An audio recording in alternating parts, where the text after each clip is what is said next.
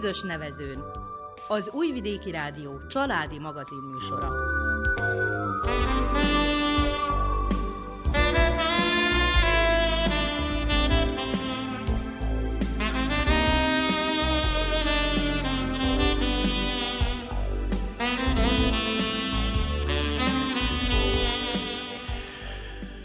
Köszöntjük a hallgatókat, a mikrofonnál Miklós Csongor. És Nánás Janikó.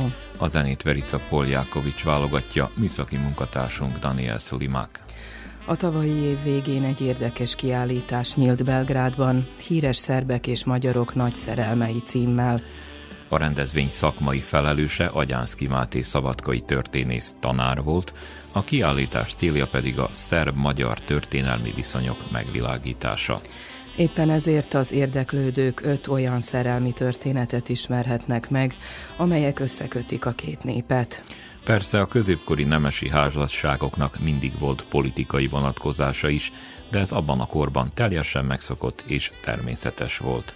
Ma tehát a közös nevezőmben ennek a kiállításnak az apropójára beszélgetünk a szerzővel, Agyánszki Máté történésszel. Érdekességeket, történelmi tényeket hallhatunk tőle a népek közötti egykori viszonyokról, szokásokról. Tartsanak velünk!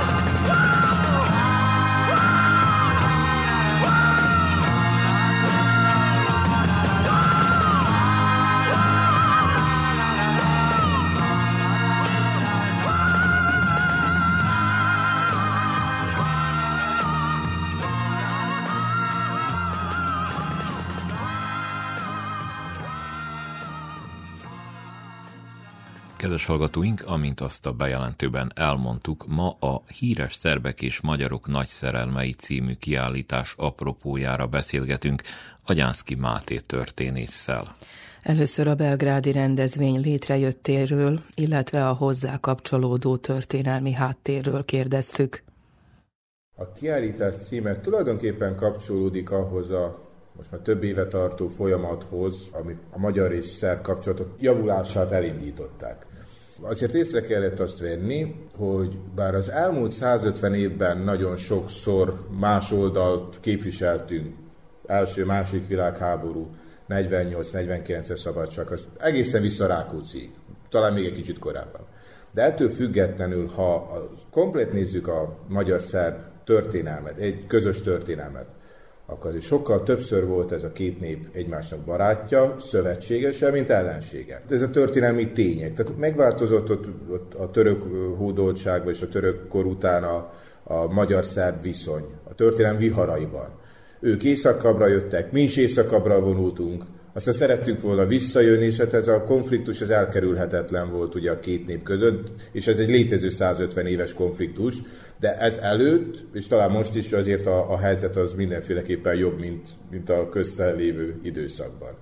És akkor ehhez kapcsolódott egy, egy ötlet, ami nem az én ötletem volt, én csak összeállítottam magát a kiállítást. Másfél évvel ezelőtt a Covid-nak az első évével, lehet, hogy lassan majd ilyen lesz az időszámítás, mint annak idején a francia forradalom első éve, vagy második éve. Tehát a Covid első éve lett volna Belgrádban egy múzeumok éjszakája, ahol az ottani Vajdasági Magyar Szövetségnek a helyi szervezete és Nebojsa Marjanovicsnak az volt az ötlete, mert abban az évben a szerelem volt a téma, hogy lehetne valamiféle ilyen kiállítást rendezni. Úgyhogy a kiállítás témája az a szerelmek a magyar-szerb kapcsolatokban ami nem biztos, hogy mindig szerelem volt, de házasságok azért ö, születtek. Azért fontos ez, mert szerintem még az akkori köznép sem szerelemből házasodott legtöbb esetben. A, a dinasztiák, főúri családok meg aztán végképp nem. De egyébként statisztikailag az érdekházasságok ugyanolyan tartósak, mint a szerelemből szövődött házasságok, úgyhogy ez nem von le az értékükből. De valóban ezek azért nagyon gyakran dinasztikus házasságok voltak, amiből mind a két félnek származott azért haszna, előnye.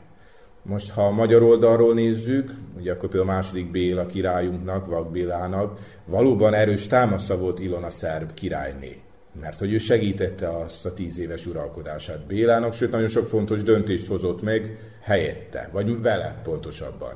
De ugyanilyen fontos volt például Dragutin szerb királynak, ugye a házastársa, aki révén először kapja meg, ugye, mint a magyar király vazalusa, Belgrádot. És azért szokták a szerbek azt mondani, hogy Dragutin idején kerül Szerbiához első ízben ugye Belgrád, mint főváros, ami nem teljesen pontos, de valóban szerb uralkodói kézben volt. A mai főváros, ami addig ugye magyar erősségnek számított. Tehát nagyon sok a közös vonás, illetve történelmi kapocs. De ezek inkább szövetségek voltak. Tehát azért hasonlóak voltak az ellenségeink, főleg ott a 12.-13. században, 12-ben mindenféleképpen, azért a magyar-bizánci kapcsolatok azok mély ponton voltak, tehát háborús időszakok voltak, amikor mind a két fél igyekszik ugye Szerbiát maga oldalára állítani, és Szerbia akkor érdeke inkább a Magyar Szövetség volt, mint a, a bizánci. Hiszen később Milutin király aztán meg végképp ugye Bizánc rovására terjesztette déli irányban a országa határait.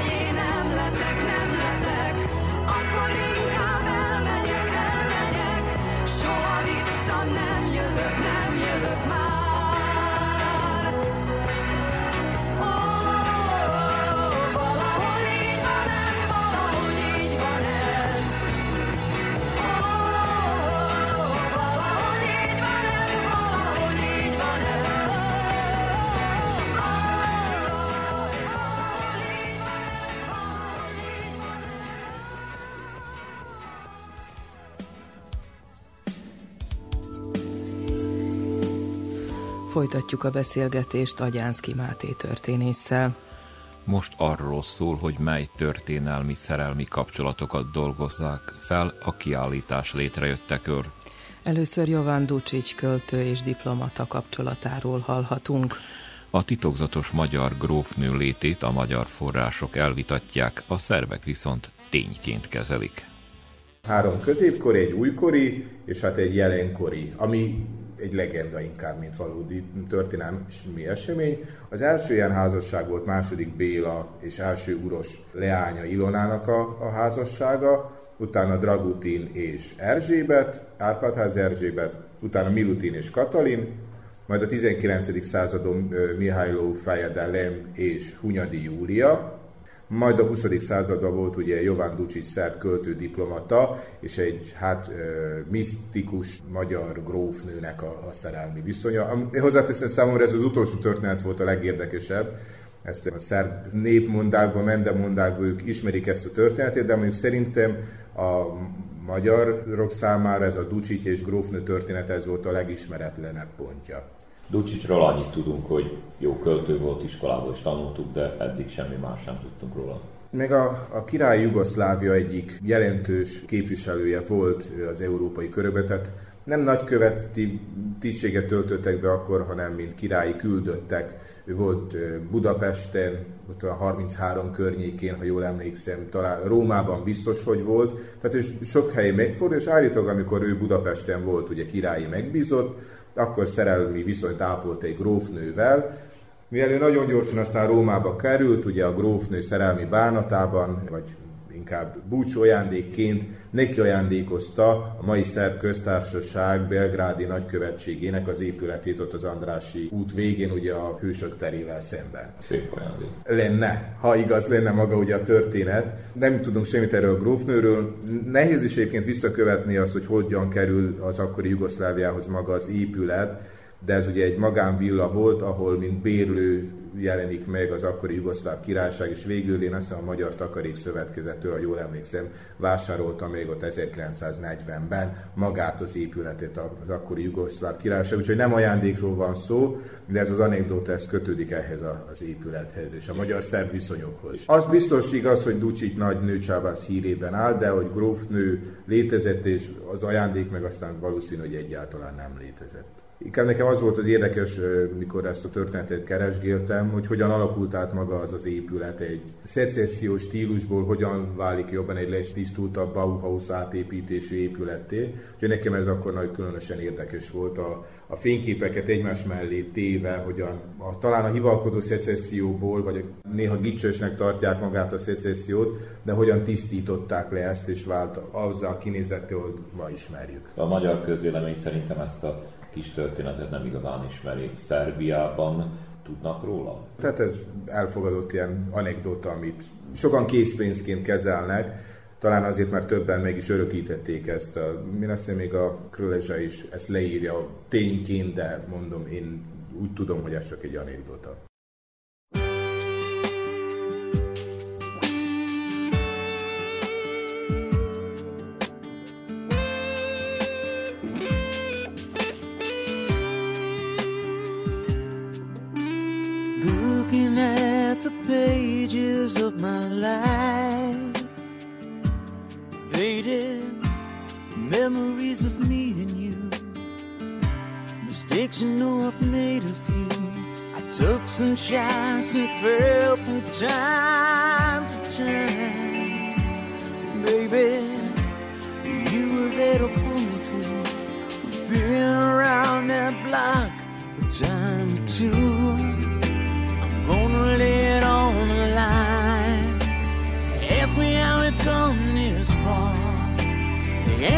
Written in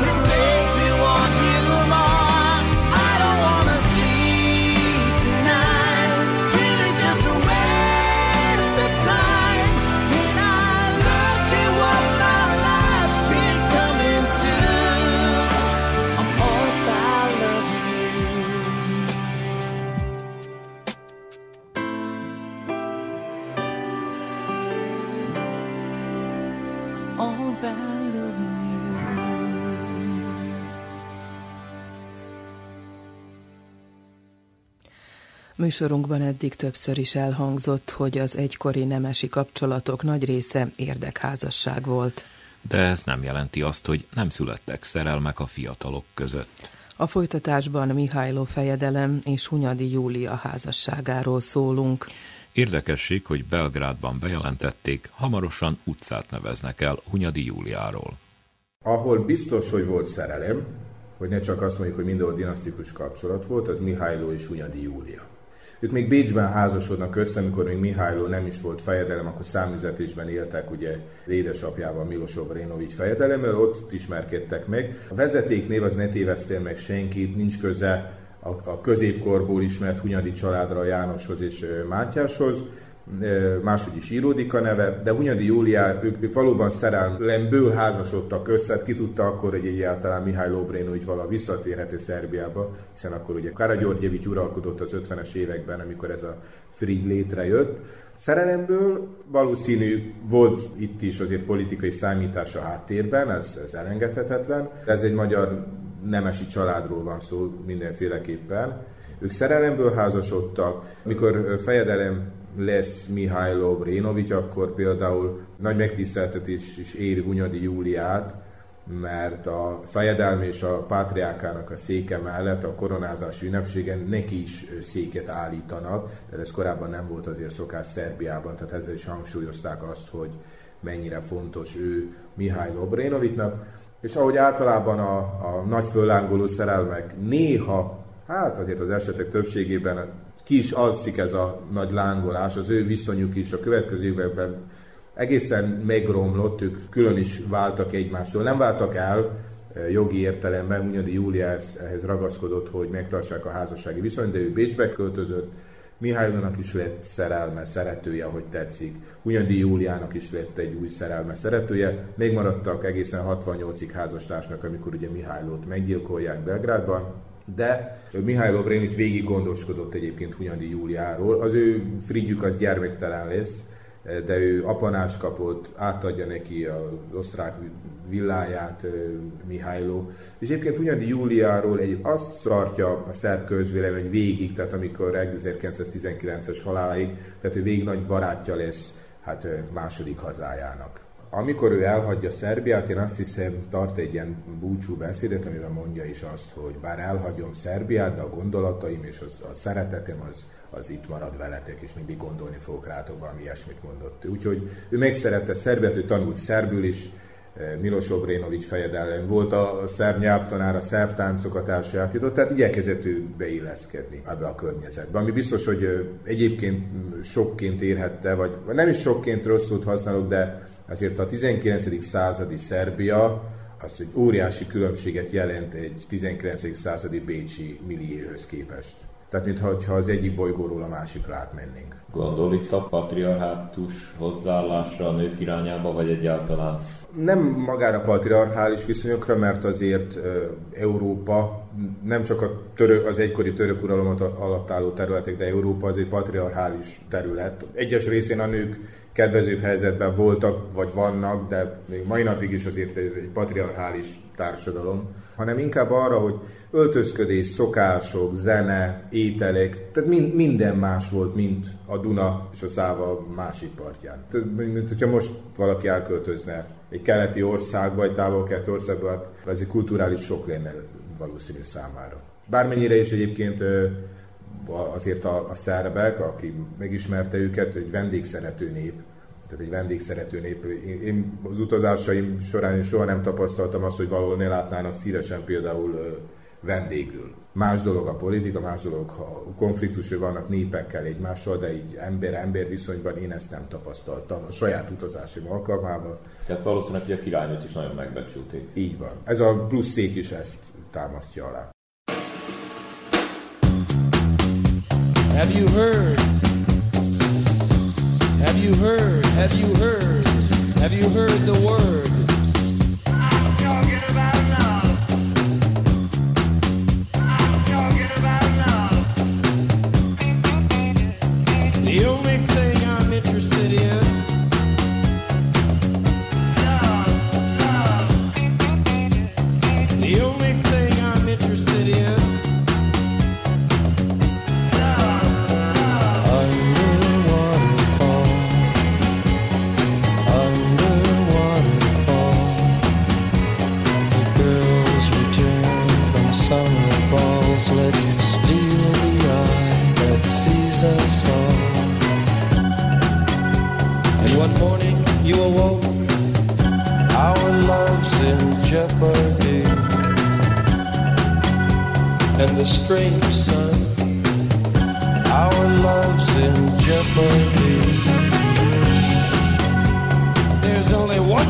I wanna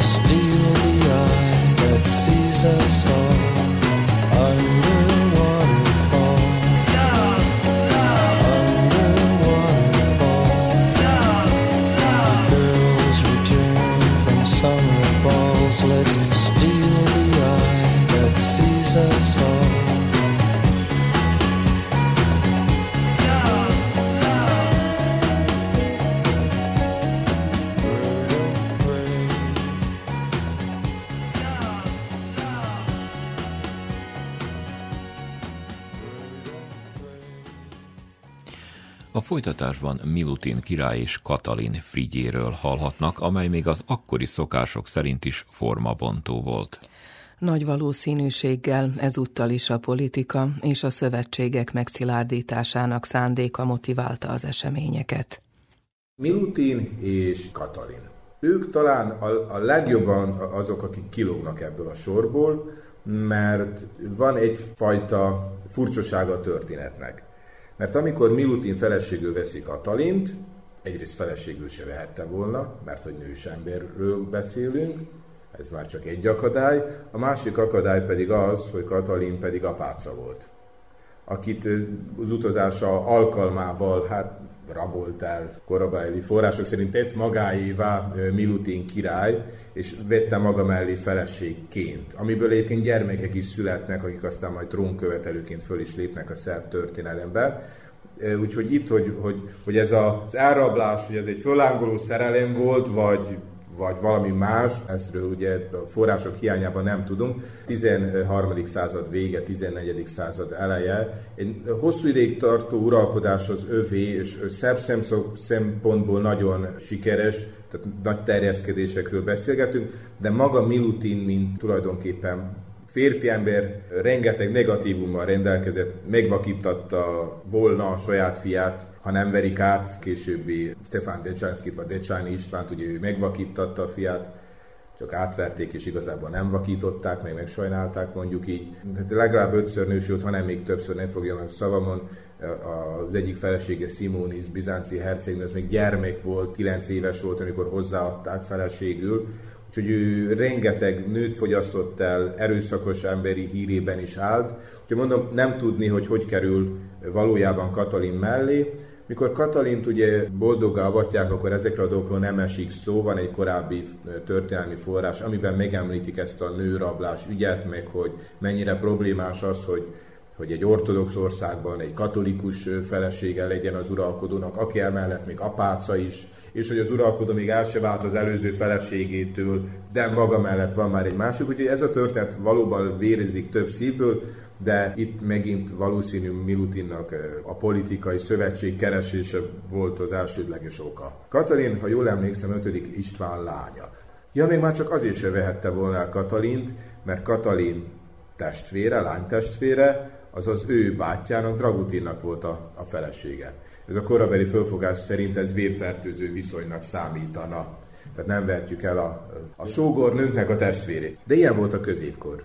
Ilyen volt a középkor. Nem tart ez a házasság sokáig. Tehát ő visszaküldi a feleségét egy három évvel később, tehát ez egy rövid, ha egyáltalán elfogadjuk törvényes házasságnak, ez egy rövid házasságot. Az meg, hogy mennyire fogadták el, vagy nem, ezt nem tudjuk.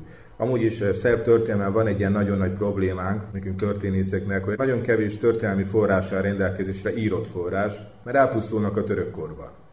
Tehát összehasonlításképpen például van 10 ezer oklevél körülbelül. Középkori Magyarországon kb. 100 ezer oklevél van. Egy Franciaországban milliós tételről beszélgetünk, és nekik is azért vannak fehér foltjaik a történelemben, hát akkor itt erre közelebb a Balkánhoz még inkább. Úgyhogy nem tudjuk, hogy elfogadták-e vagy nem, mint törvényességi, mint, mint hát szokásjog szempontjából. Mondta, hogy ebből a kapcsolatból gyermekek is születtek, róluk tudunk-e valamit? Urosic talán az egyikük, Ugye maga az uros név is egyébként nagyon eredetű a szláv nyelvben, és ők trónkövetelőként megjelennek, reskóként meg is jelennek, tehát mint a, a nem annyit uralkodó háznak a tagjai, tehát ő, őket azért számon tartják. Sok minden nem tudni az életükről, pont ezek a források hiányáról, de hogy a Milutin halálát követő zűrzavaros trónutódlási időszakban azért az ő nevük, mint trónkövetelők megjelennek.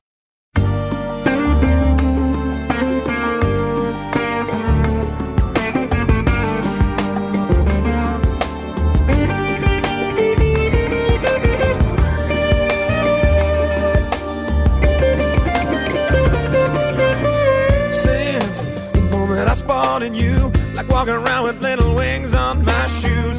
My stomach's filled with the butterflies. When it's alright, bouncing round cloud to cloud. I got the feeling like I'm never gonna come down. If I said I didn't like it, then you know I'd lie. Every time I try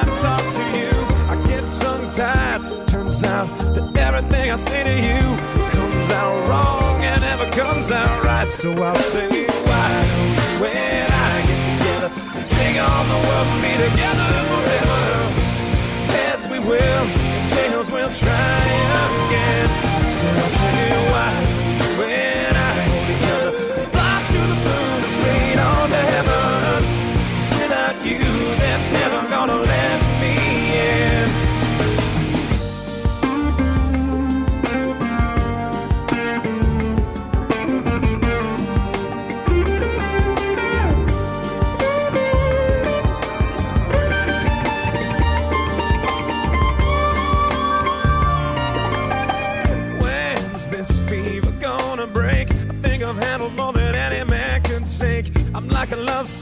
puppy chasing you around.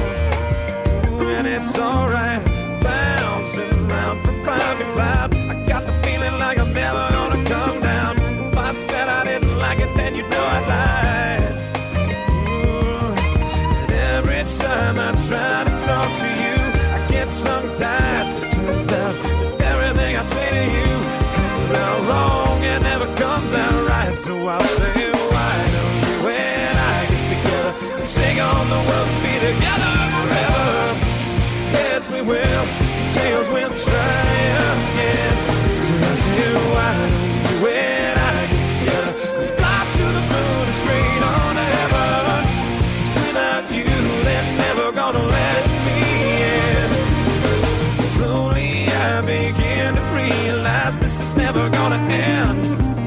About the same time you walk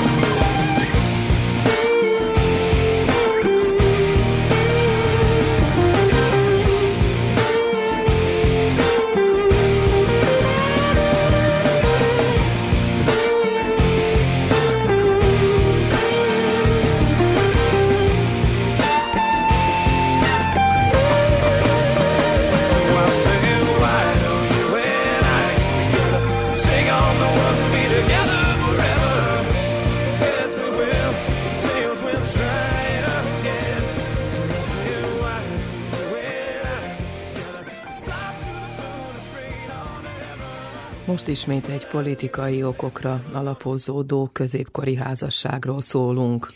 Dragutin és Erzsébet története következik, továbbra is Agyánszki Mátét hallják.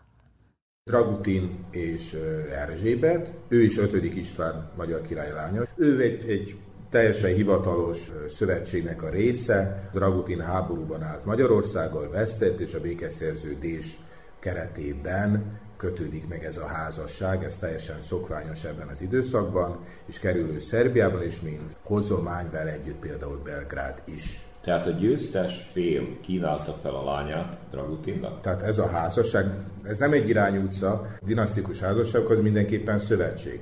Tehát 5. István és Dragutin, a legyőzött Dragutin ezzel a házassággal erősítették meg azt, hogy innentől kezdve nem ellenségek, hanem Dragutin tulajdonképpen vazolusi viszonyba kerül magával a magyar királysággal szemben. Tehát ez semmiféleképpen sem egy ilyen píroszi győzelemként kell fölfogni, vagy egy akár a magyar történelemben egy vasvári békeként, amikor a győztes vesztes békét köt. Ez egy szokványos eljárás volt, hogy a vesztest hűséges kötelezzük, és magunkhoz kötjük egy házassági kapocsal is. Nem emlékszek pontosan, de aki el, ellátogatott már Székesfehérváros, és megnézte, hogy a bazilikának a romjait, meg Szent Istvánnak ugye a szarkofágját, ott jobb kész felül a, a falon van egy nagy plakát, ahol ezek a házassági kapcsolatok föl vannak tüntetve, és azért itt látszik, hogy a középkorban tehát a magyar és szerb kapcsolatok azok nagy számú királynét és hercegnőt fognak eredményezni. Tehát az egyik legtermékenyebb ilyen irány a Szerbia és Magyarország között alakult ki. Utána rengeteg lengyel, ugye még orosz hercegnő is érkezik Magyarországra, de például ez a szerb-magyar viszony is itt megfigyelhető. Dragutiról mit lehet még tudni, illetve a házasságukról? Dragutin ugye Milutinnak volt az idősebbik testvére. Ő az egyedüli szerb király, aki lemond a trónról egy szerencsétlen baleset következtében. Az öccse javára később földgyógyul ebből a lovas balesetből. Koronát már visszaszerezni nem fogja tudni, de belviszály kettejük között egy ideig fönnáll, Dragutin szövetségesei nem meglepő módon ugye Magyarország lesz, és a magyar király lesz Dragutin szövetségese. A szerb történelme ő úgy ismert még, mint a szerémi király. Mert ugye a szerémségnek, ami nekünk ez a Duna és a Száva közötti terület, de az csak szerémségnek az északi vidék, amit mi Mácsvának vagy Macsónak ismerünk, az tulajdonképpen délszerémség a történelmi területe lenne. Tehát ő ezt a, ezeket a birtokokat a déli területeket megörökölte a lemondása után, megkapta ugye irányítás céljából, az északi vidékeket, meg Magyarországon földbirtokokat a házassága révén, mint a magyar király vazalusa kapott. És akkor egy, egy kompakt terület kialakult tulajdonképpen a mai Észak-Szerbia. Nekem most, mikor Észak-Szerbiát mondok, tehát ez a történelmi értelembe vett Szerbia, tehát a délvidék hozzácsatolása nélkül, szerénység, Szlavónia egy része tartóztottak ehhez, ezekhez a birtokokhoz. Ő szerémi királyként, mondom, ismeri később a, a szerb és a magyar történetírás is. Tehát ő uralkodott, lemondott, hatalmát visszaszerezni nem tudta, kibékült később újra a testvérével, és hát a, ezen a szerémi nevezük királyságban uralkodott ő.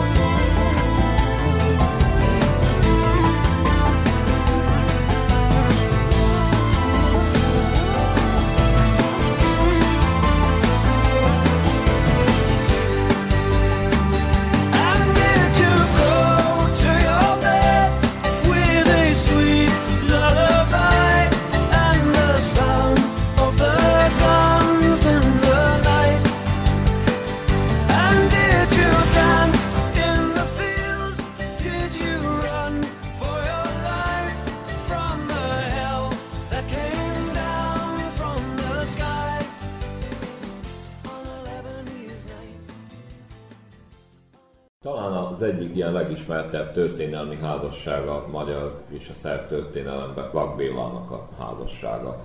Ugye második Béla szerencsétlenségére belekeveredik édesapja Álmos, és hát ugye nagybátyja Könyves Kálmán hatalmi harcaiba.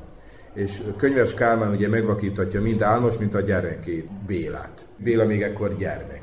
Na most a könyves Kálmáni vérvonal az ki fog halni, és a későbbi magyar királyok mind-mind álmos leszármazottjai lesznek, és az első trónon ilyen szempontból ugye Béla lesz, akit ugye azért vakítattak még, hogy alkalmatlanná tegyék az uralkodásra, ez a középkorban bevett szokás volt, a csonkítással elveszik ugye az uralkodónak az alkalmatosságát, valahol vakítatnak, van, ahol orrot vágnak, könyves Kálmán ezt az utat választotta, de ő tíz évig magyar király lesz. Érdekesség, hogy bármennyire megvakítatták, Könyves Kálmán és az utódja István majd azért igyekszik, vagy pontosabban Istvánra igaz ez, már Bélára, mint lehetséges utódra gondol. Így próbálnak majd számára megfelelő házastársat keresni, és kerül képbe Szerbia, az akkor még ugye Nagyzsupáni címet viseli Uros, és annak a lánya Jelena, vagyis Ilona, akivel megkötődik ez a házasság, és amikor Béla a magyar királyá koronáztatik, akkor érkezik. Nem csak Ilona, hanem nagyszámú szerb nemes is, Például, akit érdemes talán kiemelni, az Ilonának a testvére Belos, aki mint nádor hosszú időn keresztül hát a király után a legfontosabb méltóságot be fogja tölteni Magyarországon. És van egy legendás jelent az aradi gyűlés, amit ugye Béla koronázása után hívnak össze, ahol pontosan Ilona parancsára. Végül is hitszegő módon, ha úgy tesszük, mert Büntetlenséget ígértek mindenkinek, aki részt vett ugye Álmos és Béla megvakítatásában, de ezen az aradi gyűlésen azokat, akik részt vettek a korábbi esetben, kivégeztették. Valószínű ezzel akarták helyre tenni azt, megalapozni az uralmukat, hogy ne legyen itt semmi félreértés arról, hogy kiknek az embereit kell támogatni. Meg hát a érdekes, ugye a könyves Kálmáról kialakult negatív kép, hogy púpos, meg görbehátú, beszédhibás, stb. Az egyébként pontosan a későbbi korokban születik meg álmos leszármazottjai azok, akik uralkodnak, úgyhogy a vakítatóról negatív képet festenek a későbbi krónikában. És a királynő segítség volt az uralkodásban is egy kemény asszony. Kemény asszony volt, de a középkor megkövetelt az asszonyoktól nagyon gyakran, hogy szó szerint anyafarkasokká váljonak. Ezt láttuk más országok esetében is, ahol a, hát a valamilyen okból kifolyólag gyengekező királyok helyett nagyon gyakran a háttérből asszonyok uralkodtak, akár Angliában jutott eszembe, ugye Plantagenet Henrik felesége, aki majd a férjét is meggyilkoltatja, hogy a oroszlán szívű Richard és majd később ugye János hatalomra kerülhessen, más szerep jut akkor egy nőnek a középkorban, tehát az nem fordulhatott meg a fejébe, hogy király nő legyen, de király néként nagy befolyása volt Magyarországra, és a vele érkezett szerbeknek is. Azért azt tudjuk, hogy Vak Bélát a vakság az nagyon megkeserítette hát a keserűség az ugyan olyan utakat követelt meg akkor az emberektől, hogy manapság ő például az alkoholba menekült a, ez miatt, úgyhogy ő például az alkoholizmus következtében is fog, amennyire én tudom meghalni. Úgyhogy ilyen formában azért a feleség a, ezt a keserűséget pótolni nem tudta, de a leszármazottjaik mondom uralkodni fognak később Magyarországon. Tehát akkor, hogyha összegzünk, akkor hát most is tudjuk mai napig, hogy vannak érdekházasságok, csak más formában, másképp nevezik tehát egy picit más volt az a középkor, hogyha az ember nem más volt. De igazából szerintem nem volt annyiban más. A házasság az mindig is egy szerződés a két fél között. Ma is az. Szerződünk. Nem a község házára gondolok, vagy a város házára, amikor szó szerint aláírunk. Nem erre gondolok. Isten előtt szerződünk. Hogy egy közös cél érdekében ugyanarra az útra lépünk. Hol Tomiglan, hol Todiglan egy utat választunk, ami úton egymás mellé kitartunk. És ezt nehéz a 21. században elmagyarázni, amikor gyorsan fogyasztunk, amikor az, el, az eskü az nem eskü, az csak néhány szó, amit elmondunk, amikor a szavaink mögött nem áll tartalom, akkor az, az ilyen eskük, amiket ő tesznek, vagy például, hogy Júli elmegy egy ismeretlen országba, ahol, ahol amit soha életében nem látott, akkor olyan szokatlanak tűnik, meg nagy áldozatnak tűnik, vagy hogy nem szerelemből házasodunk. De ez egy eskü, amit tesz az ember ma is a feleségének is fordítva, csak hogy akkor más tartalommal bírt ez az eskü. Nem mindenki számára Milutin mondom, rengetegszer nősült, vagy Angliában 8. Henrik, de az eskü akkor is egy eskü volt, ami Isten előtt köttetik meg. Azért azzal kevesen játszanak a középkorban, ez egy vallásos világ volt. De mondom még egyszer, az eskü, vő, a házasság intézménye, az a középkor egyik alappillére volt. Manapság, hogy az-e, az egy kérdőjel. Az emberi természetnek része a hitszegés. Tehát mindig van, aki az önös célja érdekében megszegi az, az adott szót.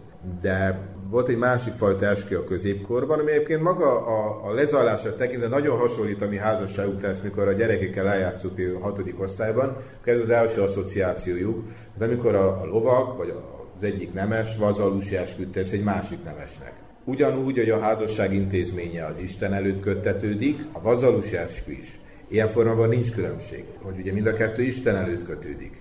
És mondom, a középkor az egy istenfélő világ volt, és bár tudunk találni példát arra, amikor valaki megszegi mind a vazalusi, mind egyébként a házastársi eskét, de ezeket az elsőket nem csak vallási szempontból vették komolyan, mert mondom, ezzel földterület járt nagyon gyakran, mint például Dragutin esetében, vagy szövetség, egy nagyobb hatalom védnöksége alá került egy országban, ami azért nem rossz dolog, hogyha sok az ellenség, és tudjuk, hogy milyen erőszakos is volt a középkor, de ezek fontos dolgok voltak a középkori uralkodói rétegnek mindenféleképpen. Hogy hangzott ez a Habsburgoknak a mondása, hogy míg mások háborúznak, de ó boldog Ausztria házasodj. Tehát itt ezzel haszonra és előnyre is lehetett Hát például ugye Nagy Lajos magyar király egyrészt a lengyel uralkodó dinasztiával fenntartott kapcsolata miatt, hát ő is ugye félig lengyel származású, és mivel az édesapja Anzsú Károly, akit ugye mi Károly Robertezünk, és ugye a lengyel király Kázmér, ők föntartották végig a jó kapcsolatukat egymással, és szerződést kötöttek, hogy a egyikük meghal fiútód nélkül, akkor a másik dinasztiája örökli másik ország trónját. Ilyen formában, amikor Kázmér meghal Lengyelországban, akkor Nagy Lajos lesz a lengyel király. Úgyhogy ezek a, a családi és dinasztikus kapcsolatok nagy előnyhöz juttathattak bárkit a középkorban.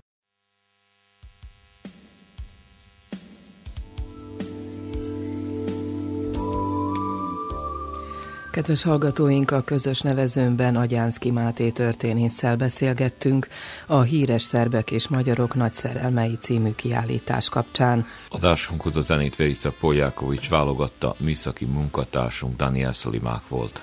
Nevükben is megköszöni figyelmüket Nánás Janikó és Miklós Csongor. Maradjanak az Újvidéki Rádió mellett.